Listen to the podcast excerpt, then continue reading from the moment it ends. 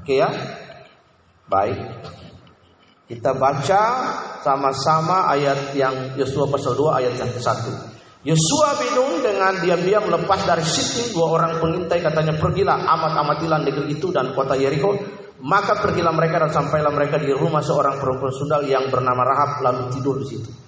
Tinggal di rumahnya maksudnya. Nah, Bapak Ibu, kita melihat pilihan dan keputusan kita itu menentukan hari-hari hidup kita. Membawa kita kepada hari yang jauh lebih baik. Pilihan. Ada banyak pilihan dalam hidup Bapak Ibu. Pilihan yang pertama dalam hidup yang harus kita buat adalah mengikuti Yesus, percaya kepada Tuhan atau tidak sama sekali. Itu pilihan. Bapak Ibu dengar baik. I emas not an option. Itu sebuah keharusan mutlak, bukan sebuah pilih-pilihan. Iya, bukan seperti ada sebuah lagu, pilihlah aku jadi pacarmu. Yang pasti aku menyenangkanmu. Bukan seperti itu. Ada lagu kan, pilihlah aku kan. Pilihlah aku jadi pacarmu. Siapa punya lagu Ebitri atau siapa seperti itu. Nah lihat.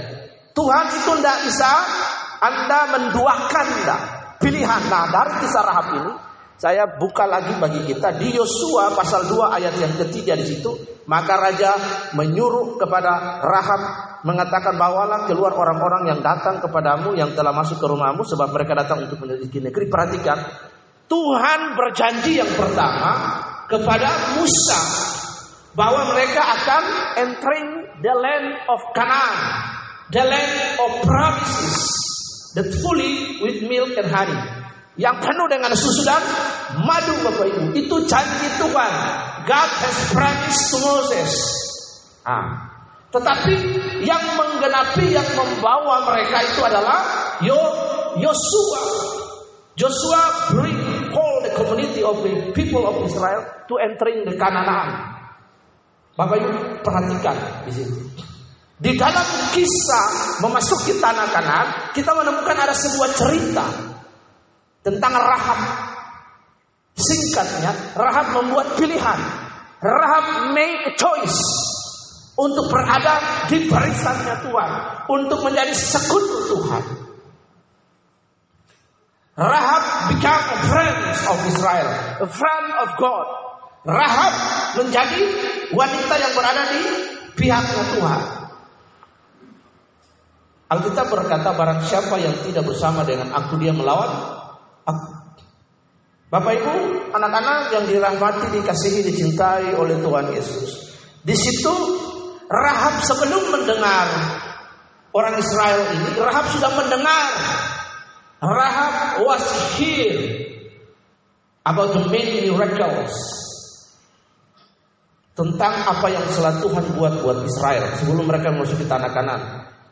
Bapak Ibu lihat, Nanti Bapak Ibu baca di dalam kitab Matius, Rahab disebutkan di situ sebagai apa? Nenek moyang daripada Tuhan Yesus. Hanya ada dua di situ, ada Rut, ada Rahab, ada Rut. Dua perempuan ini adalah perempuan yang sebelumnya they didn't know about God. Tetapi pilihan mereka membuat mereka dicatat di dalam Alkitab. Lihat. Dalam Yesua pasal yang ke-16, 6 ayat 17, dan kota itu dengan segala isinya akan dikhususkan bagi Tuhan untuk dimusnahkan. Only Rahab perempuan sundal itu akan tetap hidup. Ia dengan semua orang bersama-sama dengan dia di dalam rumah itu. Karena ia telah menyembunyikan orang-orang suruhan kita. Yosua 6 ayat 17. Apa ibu? Tuhan ada di pihak orang Israel. Tuhan itu sekutunya orang Israel. Ketika Rahab memilih untuk bersekutu dengan orang Israel, maka otomatis Rahab berada di pilihan Tuhan. Nah, hari ini perhatikan baik apa yang menjadi pilihan kita. Kalau hari itu Rahab memberitahukan kepada Raja Yeriko bahwa ada mata-mata Israel yang dikirim dari Sittim oleh Musa dan orang Israel, maka pasti mata-mata itu dibunuh. Tetapi Tuhan bekerja, Tuhan membawa rahab, Tuhan memberikan peluang, Tuhan memberikan kesempatan, Tuhan memberikan opportunity. Perhatikan kata ini dengan baik. Alkitab menjelaskan di dalam kitab pengkhotbah pasal yang ketiga. Ada waktu untuk menangis, ada waktu untuk tertawa, ada waktu untuk melahirkan, ada waktu untuk mati, ada waktu untuk damai, ada waktu untuk membunuh dan lain sebagainya. Itu ritme kehidupan manusia. Kalau di dalam perjalanan hidup kita ada peluang, ada kesempatan yang Allah berikan bagi kita untuk kita mengasihi Tuhan. Take, ambil kesempatan itu. Jangan pernah menyanyiakan kesempatan. Karena banyak anak-anak muda di situ saya kasih penjelasan yang sederhana bagi setiap kita. Jika ada kesempatan yang diberikan oleh negara buat Anda beasiswa kuliah di universitas yang terkenal, beasiswa. Tentunya setiap beasiswa itu harus ada persyaratan yang sangat ketat.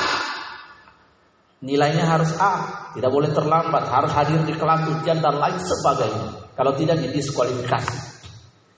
Ketika Anda mematuhi syarat-syarat itu, maka ada janji, ada berkat, ada benefit, ada keuntungan yang Anda mati sama dengan panti di tempat ini.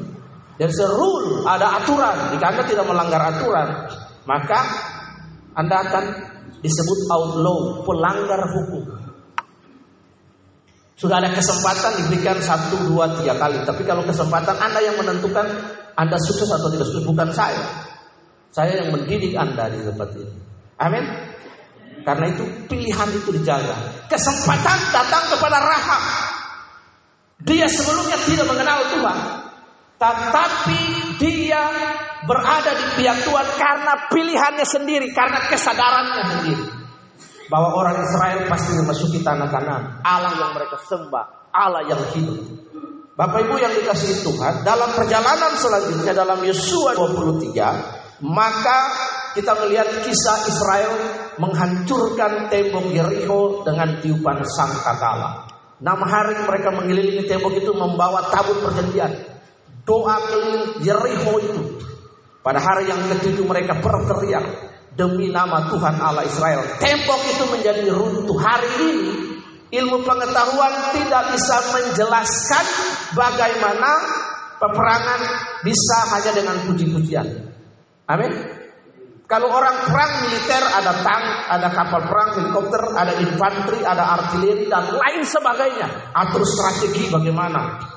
Ada penyusup, ada intel yang pantau wilayah dulu dan sebagainya. Ada pasukan pemukul ah, dan lain sebagainya. Tetapi lihat di situ kalau Tuhan yang berperang maka Bapak Ibu lihat di situ kejadiannya dahsyatan ajaib. Strategi militer yang tidak pernah bisa dijelaskan dalam strategi militer mana pun di dunia ini. Kan masuk logika kalau tidak masuk di akal kita kalau orang berperang cuma nyanyi-nyanyi lalu ngitarin kota ya haleluya haleluya kan kalau orang Jericho dari atas tembok lihat nih. Coba kalau orang Jericho itu bisa bahasa Bali. Mereka orang Jericho itu kan temboknya besar sekali dan kereta dikatakan kereta bisa berjalan di atas tembok kereta kuda. Berarti tembok Jericho itu mungkin setinggi apa lebarnya sebegini. Karena kereta kuda bisa lewat. Temboknya tinggi, jadi mereka dari atas lihat orang Israel itu kelilingi dari nari. Nah, mereka lihat begini, bi, jelemo dua pun. Nah, kan begitu kan? Orang Jericho ngomong mungkin dalam bahasa Bali begitu ya. Saya nggak bisa bahasa Bali halus ya, jadi seperti itu pasaran. Nah, dia lihat, Wih. Ah, tapi dia tidak tahu singkene singketo Yesus doke. Saring sang yang Yesus cenikai. Amin. Kelilingi tembok itu akhirnya run, runtuh. Hanya satu orang saja yang diselamatkan dari kota itu, yaitu Rahab dan ke keluarganya karena pilihan hidupnya. Karena itu pastikan pilihan hidup kita. Kita lihat Akibat dari apa yang dilakukan Rahab itu tercatat dalam kitab sejarah. Bapak Ibu buka di dalam kitab Matius Injil yang pertama. Di situ nama Rahab dicatat di situ. Sungguh luar biasa sekali Bapak Ibu lihat dalam silsilah Tuhan Yesus. Ya,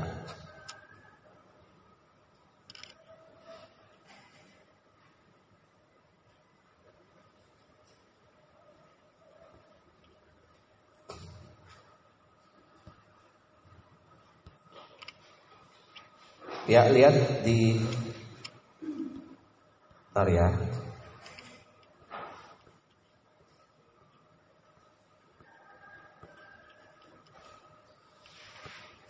Di dalam kitab Matius pasal yang pertama itu kita dapat melihat ada nama Rahab di situ.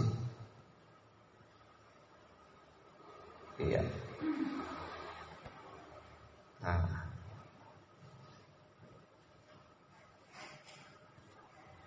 Kemudian ada nama di situ Ruth di situ. Ini kita melihat dari garis keturunan. Jadi ada dua garis keturunan. Yang pertama ini garis keturunan Tuhan Yesus dari laki-laki. Ya, nanti ada garis keturunan Tuhan Yesus juga dari wanita. Tapi Bapak Ibu lihat di situ, Rahab itu membuat pilihan yang pertama untuk berada. Dia membuat keputusan untuk berada di pihak Tuhan. Karena itu Bapak Ibu, hal-hal yang paling penting dalam hidup ini kita harus mengutamakan Tuhan. Berada di pihak Tuhan, bukan berada di pihak siapa pun. Katakan amin.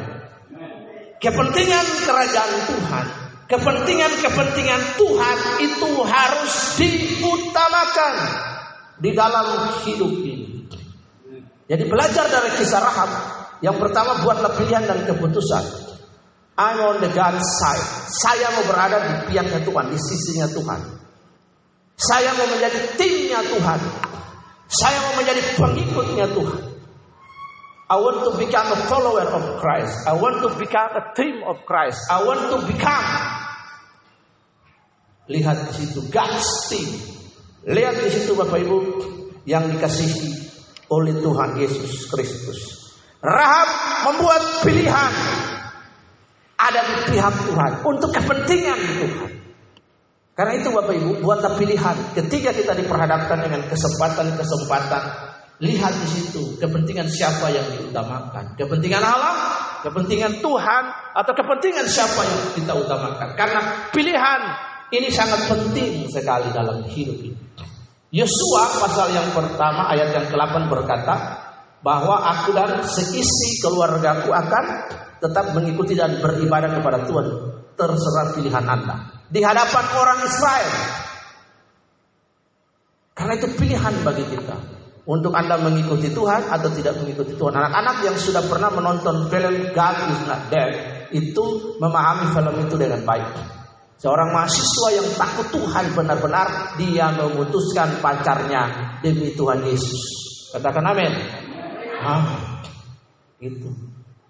Lihat itu pilihan meninggalkan pacarnya belum kawin kecuali kalau sudah kawin kalau sudah kawin lalu kita meninggalkan istri yang sah untuk percaya Yesus bodoh namanya.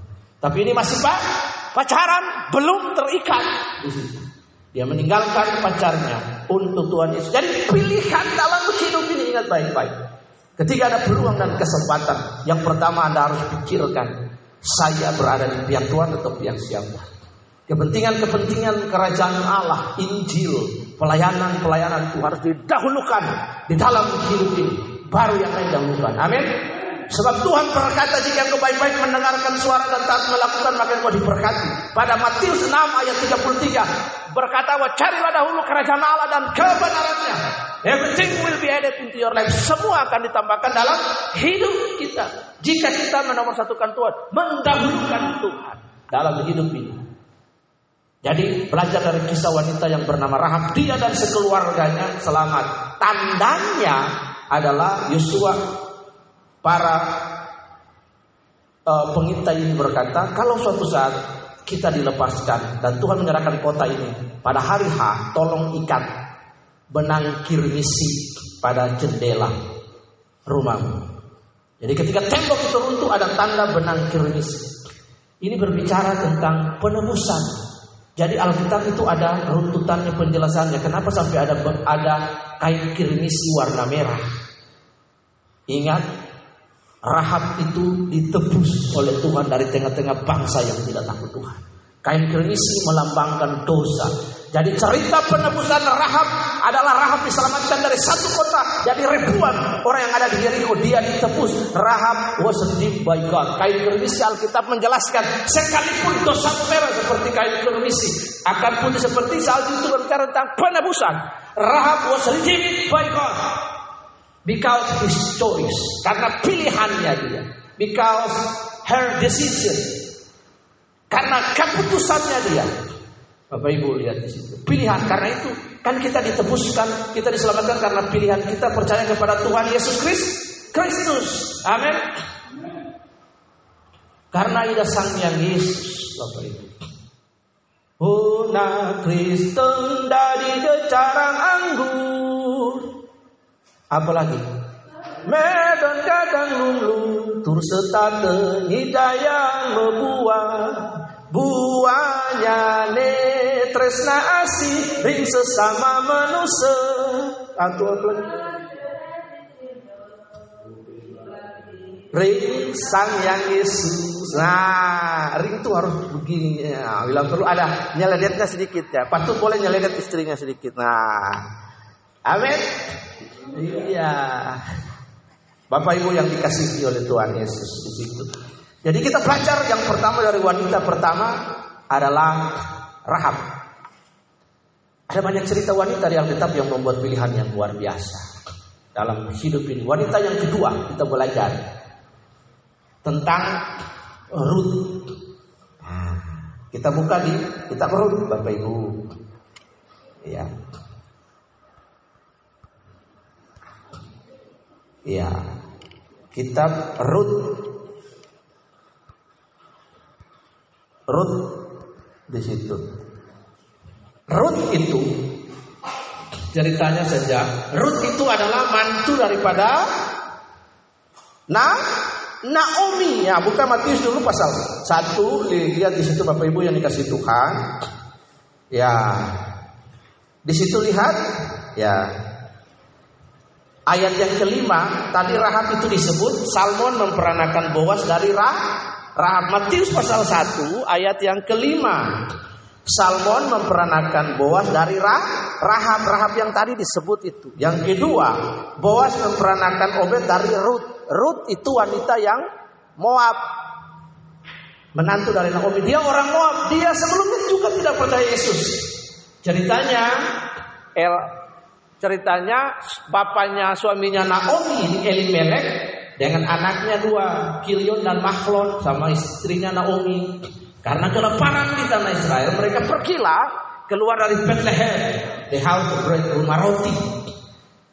Karena kelaparan, mereka pergi di sana tinggal lama di tanah Moab. Lalu mereka mendengar bahwa Tuhan telah memulihkan Israel dan memberikan kesejahteraan kepada mereka.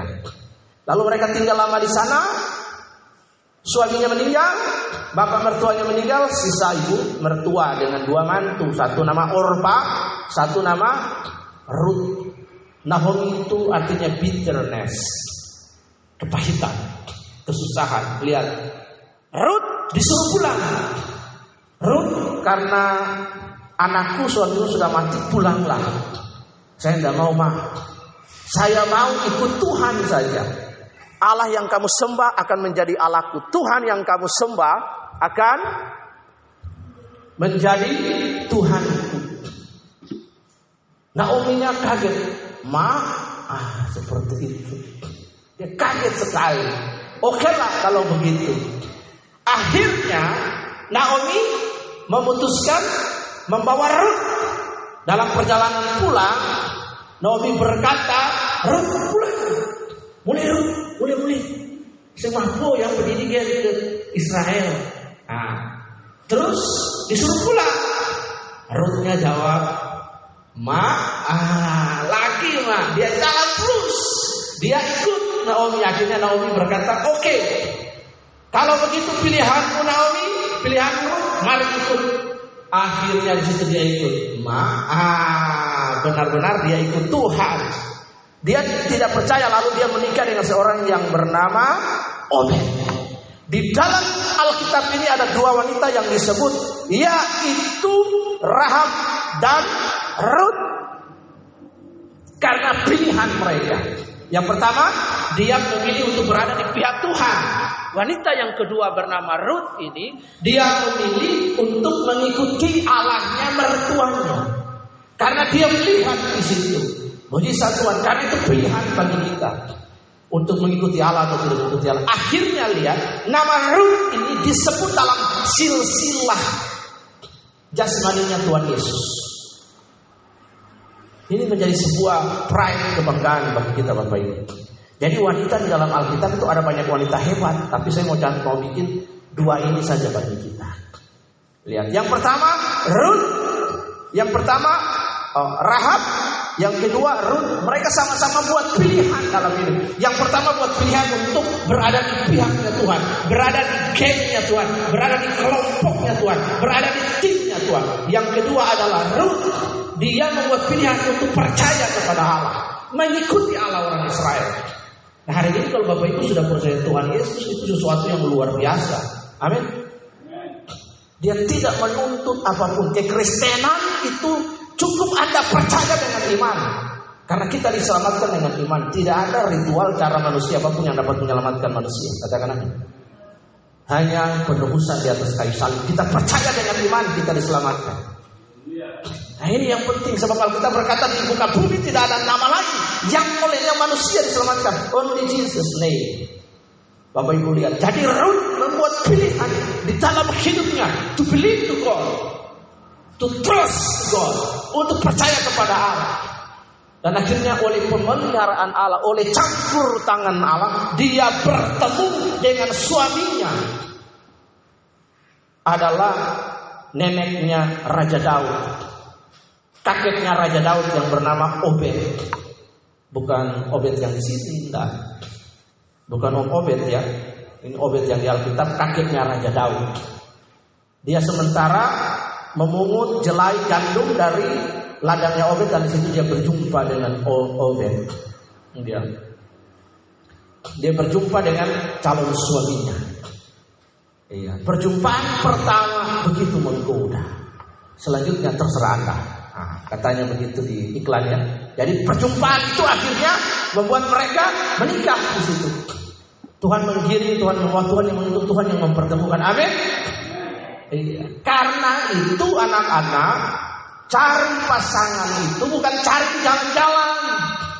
Ketemu di tempat-tempat gelap. Ya, pergi ketemu di tempat-tempat cara di tempat-tempat gelap. Di toel yang gelap pojok-pojok bunga yang gelap yang rimbun di situ. Bukan seperti itu. Kalau pacaran di tempat gelap, otaknya gelap, pikiran gelap, melakukan hubungan gelap, anak dari disebut anak hasil hubungan gelap, keluarganya keluarga gelap, marganya di belakang gelap, semua gelap, nyanyi, ya, made gelap, butuh gelap, Nah, seperti itu. Amin. Karena itu Bapak Ibu lihat semua ada prosedur dalam kekristenan Tuhan mengajar kita menikah dulu baru apa? Berhubungan. Iya.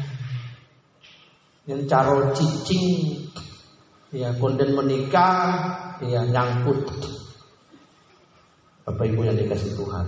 Ini penting sekali supaya kita diberkati. Katakan amin. Jadi ini pilihan anak-anak muda khususnya dengar dengan baik. Ya. Di tempat terang sering buat, bukan di gelap-gelap. Nah, kalau di gelap-gelap itu nanti lagu itu tuh bisa kena itu. Ratakan tanah bergelombang, timbullah tanah yang berlubang. Ah itu hancur, ya. Amin. Ah, hati-hati anak muda. Orang batu gantung bilang pisau masuk. Ah, kita puji sebelah mangkok. Lihat ya, Bapak Ibu yang dikasih Tuhan. Jadi belajar dari dua hal ini. Wanita pertama, dia buat keputusan berada pihak Tuhan. Wanita kedua, dia belajar untuk mengikuti Allah. Kita lihat wanita yang ketiga. Di dalam Yohanes pasal yang keempat. Yohanes pasal yang keempat kita lihat wanita yang ketiga. Nah, percakapan dengan seorang perempuan sama Samaria lihat di situ. Bapak Ibu lihat nanti sampai di rumah baca tapi singkatnya di situ wanita itu dia memberi Yesus minum. Yesus memberitahukan, memberitahukan dengan telak kepada Yesus berkata panggillah suamimu. Dia berkata saya belum bersuami. Yesus berkata benar sekali kamu belum bersuami. Suami yang ada padamu hari ini adalah suami yang keenam. Dia kaget setengah mati. Kaget. Bagaimana mungkin seseorang itu bisa tahu rahasia pribadinya kalau bukan Tuhan? Akhirnya dia ikut Tuhan, Bapak Ibu. Wanita ini percaya kepada Tuhan. Dia percaya kepada Tuhan. Ayat 47 dia katakan dan mereka, dan mereka berkata kepada perempuan itu, kami percaya tapi bukan lagi karena apa yang kau katakan sebab kami sendiri telah mendengar dia dan kami tahu bahwa dia adalah benar-benar juru selamat. Wanita ini percaya kepada Tuhan Yesus. Pilihannya dia. Jadi dalam Alkitab ini bukan saja cerita tentang Abraham, Isa dan Yakub terlalu banyak pengkhotbah yang mengagung-agungkan pria di dalam Alkitab juga tidak. Ada wanita-wanita hebat di dalam Alkitab, ada namanya Bar, ada namanya Barak dengan wanita yang namanya Deborah. Itu hebat di situ. Bahasa Inggris bilang Debra, seorang perempuan yang pimpin pasukan di depan bawa barang di sofa. Ada banyak kisah wanita yang hebat di dalam Alkitab. Nah dia perempuan ini dia percaya kepada Tuhan Yesus. Dia punya masalah rumah tangga. Karena itu dia ambil airnya dalam pasal yang ayat ayat di atas 1 sampai 2 itu dia ambil airnya waktu siang. Karena waktu siang panas terik orang Israel dia ambil air waktu siang. Senja dan pagi. Dia takut diguncingkan. Tapi sejak dia bertemu dengan Tuhan Yesus, he her life God. Hidupnya berubah. Karena Tuhan memberikan identitas baru bagi dia. Tuhan memberikan bagi dia sebuah nilai. Tuhan tidak menghakimi dia. Tuhan angkat dia jadi anak di situ. Bapak Ibu lihat. Wanita ini bertemu dengan Tuhan di depannya, ketemu dengan Tuhan secara pribadi dan membuat pilihan. She made decision to trust to God, to believe to God, to accept Jesus Christ as the Lord untuk percaya kepada Tuhan. Jadi hari ini kalau ada kesempatan bagi kita ketika Tuhan hadir ada anugerah bagi kita, ambil itu anugerah. Jangan pernah menyia-nyiakan kesempatan. Amin. Jangan pernah kehilangan kesempatan. Perhatikan momen itu satu kali di dalam hidup momen. Tidak ada terulang momen lagi. Hidup itu satu kali dalam hidup. Tidak ada hidup dua kali. Amin. Entah umur panjang, entah umur pendek, melayanilah Tuhan, hiduplah dengan baik dan benar. Saya tulis di FB saya, saya tulis di TikTok saya. Ya, sudah mau sampai dua ribuan.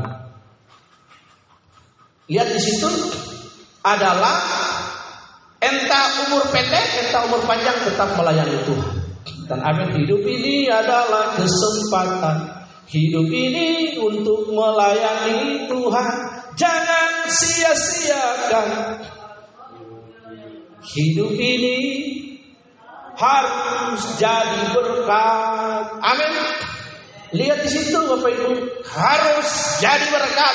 Wanita ini ambil kesempatan. Lalu di situ ayat yang terakhir dia bertemu dengan Tuhan di situ. Tuhan bertemu ada kehausan di hati wanita ini. Tidak ada damai sejahtera di tempat mana pun. Kalau Anda baca Yohanes 4 sampai selesai. Tuhan menyelamatkan dia dengan sebuah perumpamaan tentang air yang hidup. Roti yang hidup. Dia haus akan kebenaran. Dia lapar akan kebenaran. Tidak seorang pun yang memberitahukan kepada dia tentang siapa itu kebenaran. Sampai one day dia bertemu dengan Tuhan. For first meet with Jesus Christ. She meet with Jesus Christ. Kenapa yang terjadi? Her life change. Hidupnya berubah. Amin. Bapak Ibu ada sebuah lagu. One day at a time, sweet Jesus. Ah itu. And asking from. Ah itu kan. One day at a time. She meet with Jesus. And change, hidupnya berubah. Dia bertemu dengan Yesus, lalu dia memperkatakan Yesus. Dia tidak lagi malu. Itu hidupnya berubah. Tuhan memberikan sebuah penerimaan kepada dia. Orang-orang itu kalau diterima itu sesuatu yang luar biasa. Wanita ini mengalami perjumpaan dengan Tuhan dan hidupnya berubah. Jadi kalau ada kesempatan, ada peluang, pegang kesempatan itu peluang dengan baik. Anak-anak dengar baik yang sisa satu tahun lebih di sini nanti akan pergi kita cari pekerjaan atau sekolah YWM atau kuliah nanti di depan itu pergunakan kesempatan dengan baik. Jangan terkecoh dengan hidup ini. Amin. Iya. Ingat baik-baik yang perempuan-perempuan. Tulislah di status sosial persetan dengan buaya darat. Amin. Iya. Itu.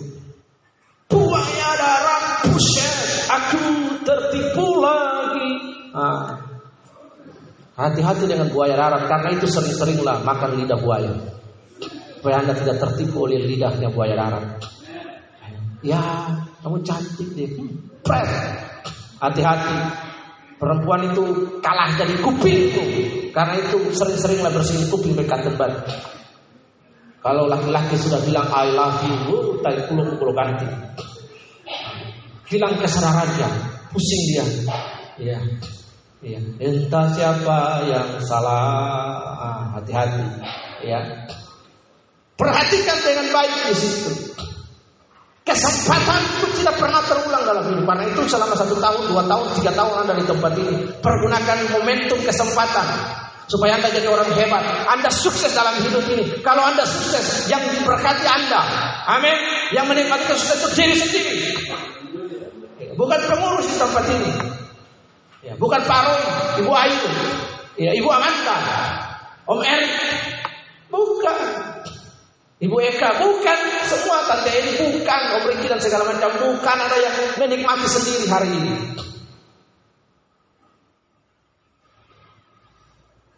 Apa yang dikatakan Yohanes? Oh, Bapak dulu benar apa yang Bapak bilang itu tidak salah. Yang satu lagi Alfianus Gila benar apa yang Bapak bilang salah. Yang Rizka juga sekarang mengalami benar hidup tanggungan kita kalau sudah sukses lihat hidupnya diberkati. Amin. Yang penting Pak anak-anak kalau menempuh pendidikan dengan baik, sekolah dengan baik, bekerja dengan baik. Ya lihat. Kesempatan itu tangkap. Kalau Anda sudah dapat menikmati hidup Anda, Anda mau buat apa saja, punya uang. Amin. Anda mau healing ke mana? Misalnya Minga sudah sukses, ikut wayang nanti tiba-tiba ketemu dengan bule, iya kan? Dan bule pertama lihat, waduh ini gadis apa Melanesia, eksentrik, ah, jalino sokokularan, iya. Dari mata turun ke hati kan dilihat, wow. Kemudian ditelepon, Bapak saya mau bawa bule ke negara, contoh saja. Mau kenalan sama Bapak. Oke. Nah, dibawa ke Perancis kah, New Zealand kah, ke mana kah. Who knows? Siapa yang tahu? Amin. Siapa yang tahu jalan-jalan hidup hanya Tuhan karena itu sikap kita, itu kita terus setia melayani Tuhan. Amin. Berulang kali saya bilang terus mengingatkan kepada Kara Redia Putra. Eh, putri. Ada kesempatan masih ada orang tua angkat yang mau bayar biaya sekolah masih hidup kuat doakan dia. Umurnya panjang dia bekerja dapat uang banyak ambil kesempatan kuliah di samping sana 4 tahun. Setelah kuliah 4 tahun dengan sertifikat dengan ijazah itulah kamu akan bekerja dapat uang. Mia nanti kasih tahu Kekila sama Timo sama Mama. Harus kuliah. Meskipun susah jatuh bangun maka nasi garam di tempat tidak apa-apa. Kuliah yang penting sungguh-sungguh tekun. Amin. Indonesia juga. Semua harus bisa menempuh perkuliahan. Sekalipun mungkin di sini kita makan nasi dengan garam susah hidup kalian harus jadi orang besar di kemudian hari. Itu mimpi. Ambil kesempatan karena kampus itu dekat. Kamu nak pergi kuliah tinggal di sana jauh-jauh. Nanti kalau tinggal kuliah di Denpasar, kamu pulang di tempat kos. Iya, mau makan apa sudah pulang dari kuliah capek-capek jalan kaki ke kos, singelapo di rumah kos. Ya, artinya nanti stres. Iya. Iya, dan lain sebagainya. Di sini pulang di sini sudah ada makanan, makan. Selesaikan tugas kuliah dengan baik kalau sudah lulus dapat ijazah itu. Amin. Walaupun Amerika antar jatuh bangun, yang penting kamu sukses. Ya, kalau sudah sukses jangan lupakan dia.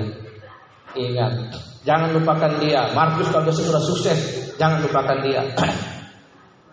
Karena sepanjang perjalananmu di sini berapa? Tiga empat lima tahun, setiap pagi dia menempuh perjalanan jauh.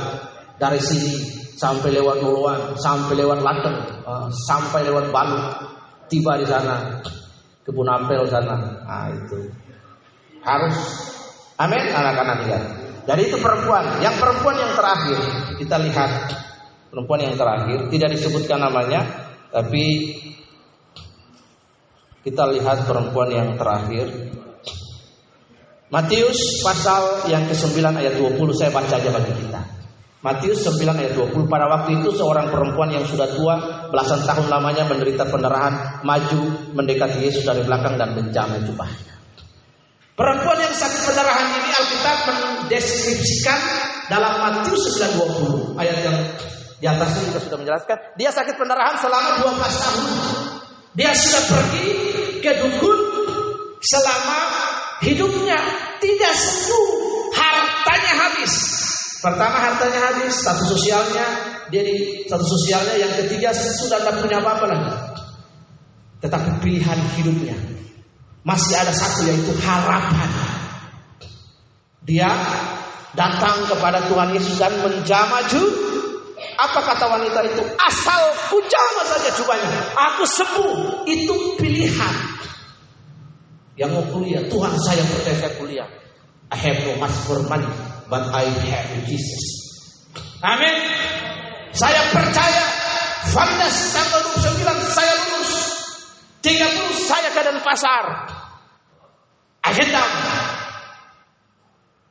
Hitam putih. Ma ah, pasti. Kalaupun nanti dengan cara Tuhan belum ada cara yang lain. Tuhan itu hebat katakan amin. Yang penting jalan dulu. Belum mencoba saja sudah kata duluan. Belum mencoba sudah mundur. Jangan coba dulu. Entah urusan gagal atau gagal itu bukan urusan kita. Maju, amin. Malang malam putung rawi rawi rantas. Maju. Puputan margarana. Ah, semangat. Amin. Nah itu dibilang. Pene putus malintang patah. Taruh kita lepas dia bilang dari atas. Ah itu. Amin. Belum apa-apa lagi sudah sudah menyerah duluan. Yang sing bisu. Aduh. Amin. Harus semangat. Jangan dikit-dikit bilang. Oh, yang sing bisu. Yang sing bisu. Coba amin.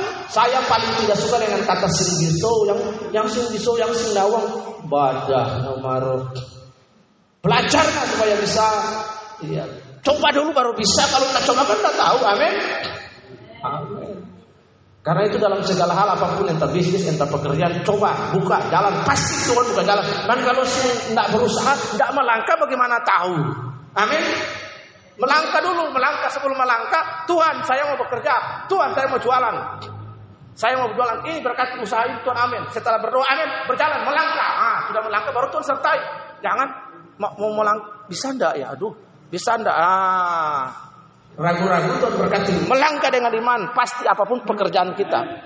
Wanita ini dia mendengar Tuhan berkata asal jama. Ya cuma jama tapi imannya itu semangatnya itu maju penormannya jama. Yang terjadi wanita ini sem sembuh. Tuhan berkata kepada wanita itu, pergilah dengan selamat. Jaminan dari mulut Tuhan. Karena itu dalam pergumulan apa? Tuhan saya percaya seperti wanita asal ku jama juga aku sembuh. Aku percaya Tuhan, aku sembuh. Aku percaya aku berhasil. Aku percaya Tuhanku ajaib, kau turun tangan memulihkanku. Aku percaya Tuhanku ajaib, kau turun tangan memberkatiku. Amin. Katakan aku percaya. Ya, mujizat atasku. Hidupku luar biasa. Ya, itu aku percaya aku diberkati. Ya, itu amin. Harus punya semangat punya Tuhan yang luar biasa dalam hidup ini. Nah, Bapak Ibu, kita tidak tahu 5 10 tahun akan datang karena dia sudah ada di Jerman. Untuk orang tuanya tiba-tiba WA bunyi telepon, kring Saya lihat, wih, halo. Ya, karena sudah malam dia pakai bahasa Jerman. Halo, guten Wah, selamat malam. Saya jawab dulu ya, guten Bro. Ah, iya kan? Dia tanya kabar, hello. Ya, God sehat jadi kau bersehat. Waduh saya kara. Ya. Bapak bagaimana panti masih di tempat yang lama? Masih. Bangunannya masih lama? puji Tuhan sudah berubah. Apa yang mau di apa yang mau dibantu? Pak, Uish, Coba cari tanah dulu Bapak. Berapa hektar? Satu. Ini bau kopi atau bau apa? Akhirnya Tuhan memberkati. Kita kan tidak tahu. Amin. Setiap kali saya ke sana, saya kalau ingat ibu dan patut itu karena ibu apa Tuhan berkati dalam berdoa. Saya kalau lewat, saya kalau lewat di luar apa ada tempat orang di luar motor, kayak dari sini ke Bilupo saya selalu ngomong dalam hati Tuhan berkati ibu Nerde usahanya pekerjaannya. Kalau si Erik, saya selalu kalau lewat ke negara ke Bilupo setiap kali ke Bilupo itu, bukan ke Bilupo maksudnya ke barat, itu di timurnya rumah sakit itu kan ada di sebelah sawah-sawah di belakang jauh tuh ada perumahan Subual. Saya selalu bilang kalimat pendek karena kalau lihat rumah di situ perumahan. Tuhan terima kasih suatu saat Erik punya rumah dengan cara dan waktu Tuhan. Amin. Kan ngomong gitu ndak rugi, amin. Ya ndak bayar juga. Kalau tiap hari ucapkan-ucapkan mobil, ndak ada mobil sudah ada garasi. Saya gambar mobil di tempat ini anak-anak yang baru bergabung lihat setiap hari saya keluar Tuhan ada mobil pas mobilnya itu carry beneran ada senter ada lampunya ada ini semua ada di jantungan papan tulis tapi saya sudah cabut. Setiap hari keluar ada mobil Tuhan ada mobil memang benar ada mobil karena itu mulut ini diucapkan. Amin. Jangan kata-katanya kata-kata kebun binatang. Nah, itu. Perhatikan, ucapkan, punya iman, punya visi. Maka yang mau kuliah itu di sana tuh pergi jalan ke sana di situ berdiri Tuhan saya akan kuliah di tempat ini. Tuhan saya percaya ada orang mau berkat saya untuk kuliah dalam nama Yesus. Amin. Harus berani Bapak Ibu. Makanya saya lagi mau bilang ke Amanda ini, besok kuliahnya di sana semester berapa kalau diusahakan namanya masih ada apa transkrip nilai. Ambil. Besok daftar di buku T universitas terbuka kuliah. Situ. Amanda Manopo. SPD misalnya. Sarjana pendidikan. Jangan terlalu banyak di dapur. Besok kalau ada uang bilang ketua nyong bantu saya mau kuliah UT suruh Reki Riki aja bukan UT di alam sana. UT universitas terbuka. Amin? Kuliah Walaupun di dapur nanti banyak urus di dapur, tapi gelarnya Amanda Manopo. SH, SPDK, ya jangan SK terus SKC apa tuh SKC? Sarjana kitchen. harus kuliah S itu murah. Bilang tuanya, tuanya bantu saya. Saya mau kuliah UT Universitas terbuka. Nanti tinggal datang lihat belajar melalui HP atau online itu kan gampang. Biar itu kan begitu. Biar ndak uang habis ke COD aja. Kuliah. Anak-anak masih SMP. SMA itu sudah lulus Amanda ya biar ada detail ya. Jadi Bapak Ibu lihat di situ pertama wanita pertama Rahab dia membuat pilihan untuk berada di pihak Tuhan. Wanita kedua bernama Ruth dia membuat pilihan untuk percaya kepada Tuhan Yesus. Wanita ketiga Perempuan di Perigi Sikar, dia bertemu dengan Tuhan Yesus. Dia memilih untuk percaya kepada Yesus. Wanita keempat, dia bertemu dengan Tuhan Yesus. Dia berkata asal jamah saja cuma aku sembuh. Amin. Ayo. Mari yang laki-laki tepuk tangan buat wanita. Takut tepuk tangan.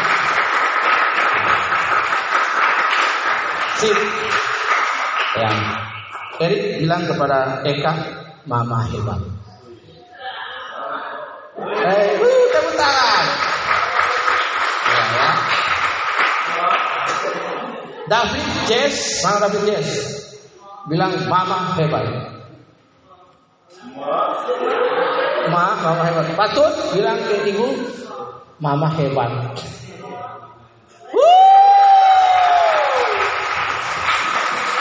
Mama hebat. Ya. Gitu jadi hari ini jangan dipikir yang kita bahas di Alkitab itu pria saja. Wanita juga ada, amin. Wanita hebat. Ya sama-sama diciptakan oleh Tuhan Adam dan Hawa. Kalau hanya Adam tuh lah seru, ada Hawanya juga biar seru. Amin. Jadi kita harus bangga wanita tuh hebat. Amin. Nah, gitu dipuji dia. Ya, setelah dipuji nanti sebentar sore patut ada istri, ibu dengan motor makan bakso di dalam rawa, biar senang hatinya. Ya, Om Eri ajak Tante Eka bakso balung biar senang hatinya. Ya.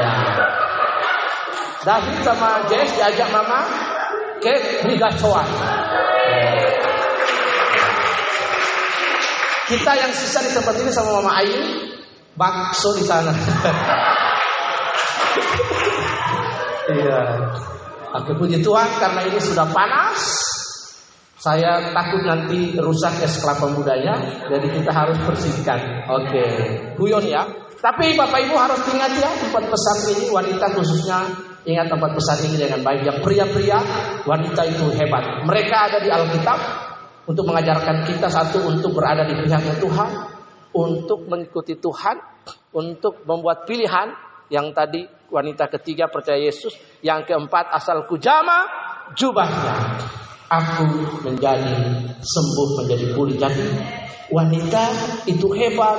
Iya. Bapak Ibu lihat di Indonesia ini wanita itu hebat. Amin. Tidak ada hari Kartono. Yang ada hari Kartini. Amin. Loh, mana ada hari Kartono? Hari Kartini Kalian ini kartini-kartini. Tidak ada hari Kartono. Seumur hidup tidak ada hari Kartono. Hari ayah ada. Hari ibu ada. Ya di Indonesia pangado tuh hari Kartini. Singado hari Kartono. Pak Kartono baru ada. Ah, amin. Hari Kartini karena itu Kartini. Kartini Kartini Indonesia. Amin. Kartini Kartini Kartonau. Itu luar biasa. Jadi ini sangat penting ya Tepuk tangan buat wanita. Ya. Makanya di dalam perang kemerdekaan ada Cut Nyadi, Cut Mutia, Raden Ajeng Kartini, ada dari Ambon Kristina Marta Tiahahu dan pahlawan-pahlawan wanita. ada juga dari daerah, daerah lain pahlawan-pahlawan wanita. Jadi jangan meremehkan wanita. Wanita itu hebat. Amin. Ya, mari kita tunduk kepala dan kita berdoa. Tuhan Yesus kami belajar dari empat wanita hebat yang bernama Rahab yang membuat pilihan menolong orang Israel berada di pihak Tuhan dan Tuhan merespon itu dan dia dengan sisi keluarga selamat. Wanita yang kedua ya juga bernama Ruth dia membuat pilihan dan akhirnya dia menjadi nenek daripada Raja Daud dia dimasukkan ke dalam silsilah orang-orang benar. Yang berikut adalah wanita Samaria, dia bertemu dengan Tuhan, dia sangat malu karena kehidupannya, tapi dia dipulihkan oleh Tuhan, diselamatkan oleh Tuhan dan dia memberitakan Injil bagi orang-orang sekotanya. Wanita yang sakit pendarahan 12 tahun, dia bertemu dengan Tuhan dan dia berkata asal jama jubahnya aku sembuh dan benar dia dipulihkan oleh Tuhan. Kami belajar Tuhan dari wanita-wanita hebat ini. Kami pria juga, kami belajar dari wanita-wanita ini bahwa mereka juga hebat di dalam Tuhan. Tolong kami dan berkati kami supaya kami belajar dari mereka dan biarlah kebenaran tempat kebenaran ini dapat menolong kami. Kami membuat pilihan berada di pihak Tuhan, percaya kepada Tuhan, mengikuti Tuhan dengan iman kepada Tuhan. Kami diberkati, kami dipulihkan di dalam nama Tuhan Yesus. Yang berjanji dan berkata, pintalah dan Manuel Maranatha untuk menolong kami. Bapak jemaat yang ada yang hadir, mereka datang dengan kerinduan, dengan jawaban pergumulan-pergumulan hidup Tuhan yang kabulkan bagi mereka. Di kota ini mereka bekerja, Tuhan memberkati mereka. Terima kasih di dalam nama Tuhan Yesus keajaibanmu terjadi atas mereka. Kami berdoa dan kami bersyukur. Haleluya. Sama-sama kita berkata, Amin. Tuhan memberkati. Shalom.